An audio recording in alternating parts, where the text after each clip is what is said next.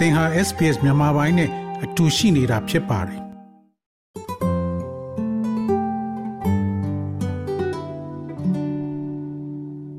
သောရရှိမြယနေ့နိုဝင်ဘာလ23ရက်ဗုဒ္ဓဟူးနေ့အတွက် SPS Newsflash သတင်းထူးများကိုယခုတင်ဆက်ပေးမှာဖြစ်ပါတယ်ကျွန်တော်က Daryl အောင်ပါယနေ့အတွက်ထိတ်တန့်သတင်းများထိန်သေးစခါမှာလွန်မြောက်လာသူများအတွက်ဥပဒေသစ်များ မကြာသေးမီက လူဝင်မှုကြီးကြပ်ရေး ထိန်းသိမ်းစခန်းမှ လွတ်မြောက်လာသူများနဲ့ ပတ်သက်တဲ့ နောက်ထပ် အစီအမံများကို ဖက်ဒရယ်အစိုးရမှ အကောင့်တင်ဖော်ရန် ပြုလုပ်နေပါတယ်။လွတ်မြောက်လာသူအချင်းသားများထဲတွင် လူသက်သမားများနဲ့ လိမ်မှုကျူးလွန်သူများ အပါအဝင် ရာဇဝတ်မှု ကျူးလွန်သူ အများအပြား ပါဝင်ပါတယ်။အခက်အခဲမရှိ လူဝင်မှုကြီးကြပ်ရေး ထိန်းသိမ်းရေးစခန်းတွေမှာ ထိန်းသိမ်းထားတာ ဥပဒေနဲ့မညီကြောင်း High Court က တွေ့ရှိရပြီးဆုံးဖြတ်ချက်ချပြီးနောက်ထွက်ပေါ်လာခြင်းဖြစ်ပါတယ်။အဆိုပါစီရင်ချက်သည် Federal အစိုးရအားရွှေ့ပြောင်းနေထိုင်ခြင်းအဥပဒေအားပြင်ဆင်ရန်လှုံ့ဆော်ပေးခဲ့ပြီးယခုလွတ်မြောက်လာမဲ့အကျဉ်းသားများအား ankle bracelets များမှတဆင့်၎င်းတို့ရဲ့လှုပ်ရှားမှုကိုစောင့်ကြည့်ခြင်းကဲ့သို့သော ပြင်းထန်သောကန့်သတ်ချက်များကိုချမှတ်မှာဖြစ်ပါတယ်။သို့တော်လည်းပြည်ထောင်စုဝန်ကြီး Claire O'Neil က Channel 7ကို ပြောဆိုရာမှာလွတ်မြောက်လာသူများအားအနီးကပ်စောင့်ကြည့်နေရန်ဖြစ်နိုင်သည့်လမ်းကိုအစိုးရကစစ်ဆေးနေတယ်လို့ပြောဆိုပါတယ်။ကျမအပေါ်မူတည်ရင်ယနေ့တွင်၎င်းတို့အားထိမ့်သိမ်းထားစေဖြစ်မှာပါ။ဩစတြေးလျအစိုးရသည်ဤလူများကိုလွှတ်ပေးရမယ်လို့ကျမတို့အားအထက်တရားရုံးကအမိန့်ပေးထားလို့ပါ။ယခုကျမတို့ရဲ့အလုပ်မှာတရားရုံးချုပ်ရဲ့ဆုံးဖြတ်ချက်ကို အကောင့်ထဲဖော်ရန်နဲ့ခြေလမ်းတိုင်းတွင်ဩစတြေးလျအသိုက်ဝိုင်းရဲ့လုံခြုံရေးကိုကာကွယ်တဲ့နည်းလမ်းဖြစ်လှုံ့ဆော်ရမှာဖြစ်ပါလေ။ Pro Palestine ဆန္ဒပြပွဲမှာလူ20ကျော်ဖမ်းဆီးခံရဘော်နီရှိအစ္စရေးကုန်တင်သင်္ဘောတစ်စင်းနဲ့ပတ်သက်၍ပါလက်စတိုင်းလူလာသောဆန္ဒပြမှုအတွင်းလူ20ကျော်ဖမ်းဆီးခံခဲ့ရကြောင်းယူဆပွဲရဲတပ်ဖွဲ့ကပြောကြားခဲ့ပါတယ်။ နိုဝင်ဘာလ၂၁ရက်အင်္ဂါနေ့ညကဆန္ဒပြမှုကိုရဲဖွဲ့ကသိရှိခဲ့ပြီးအဖွဲ့ကိုဖြိုခွင်းရန်ကြိုးပမ်းခဲ့ပါတယ်။ဆန္ဒပြသူများသည်အဆိုပါနေရာကိုဆက်လက်သိမ်းပိုက်ကာမော်တော်ယာဉ်များသွားလာမှုကိုပိတ်ဆို့ပြီးရဲတပ်ဖွဲ့ရဲ့အမိန့်ကိုလိုက်နာရန်ငြင်းဆိုခဲ့ကြပါတယ်။ Channel 9နဲ့စကားပြောရာမှာပြည်ထဲရေးဝန်ကြီး Claire O'Neil ကဒီဖြစ်ရပ်ကိုရှုတ်ချခဲ့ပါတယ်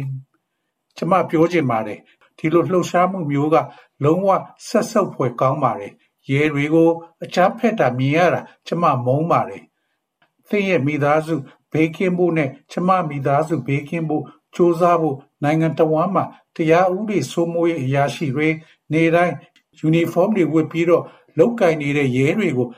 ဘလို့အကြမ်းဖက်မှုမျိုးမှမဆိုကျမလုံးဝခွင့်မလွတ်နိုင်ပါဘူး ကျေပြန့်သော Optus ပြတ်တောက်မှုဝန်ကြီးချုပ်ကကျေပြန့်သော Optus ပြတ်တောက်မှုအားလုံလုံလျားလျားကြာရှုံးမှုခေါ်ဆိုပြီးကမ္ပဏီရဲ့ CEO မှနိုဝင်ဘာလ20ရက်နေ့ကကမ္ပဏီရဲ့ CEO နှုတ်ထွက်ခဲ့သည်ကို နားလည်နိုင်တယ်လို့ပြောဆိုပါတယ်။ Kelly Bayer Rosmarin သည်နိုဝင်ဘာလ18ရက်တောက်ကြနေ့တွင် အထက်လွှတ်တော်စုံစမ်းရေးကော်မရှင်တစ်ခုရှေ့မောက်သို့ရောက်လာပြီးနောက်နှုတ်ထွက်စာတင်ခဲ့ပြီးသံပေါင်းများစွာသောအရေးပေါ်ဝန်ဆောင်မှုများအပါအဝင်အင်တာနက်သို့မဟုတ်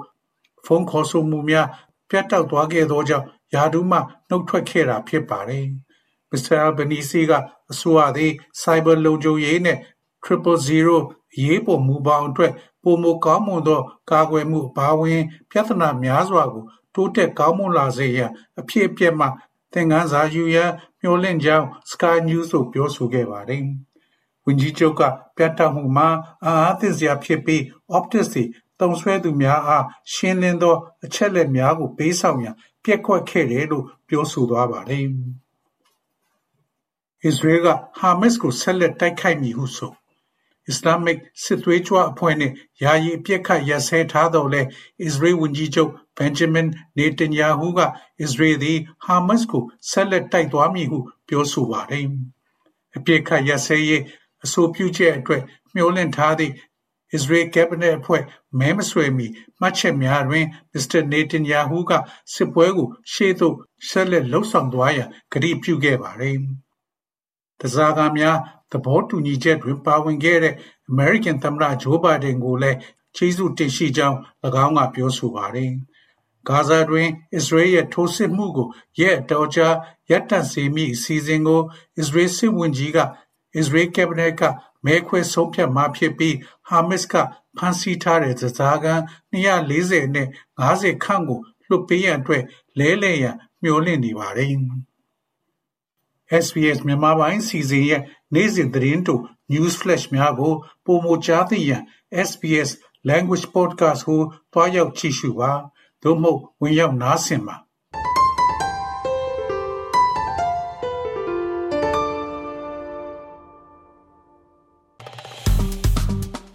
SPS မြန်မာပိုင်းကို Facebook ပေါ်မှာ like ရှာပြီး like မျှဝေမှတ်ချက်ပေးပါ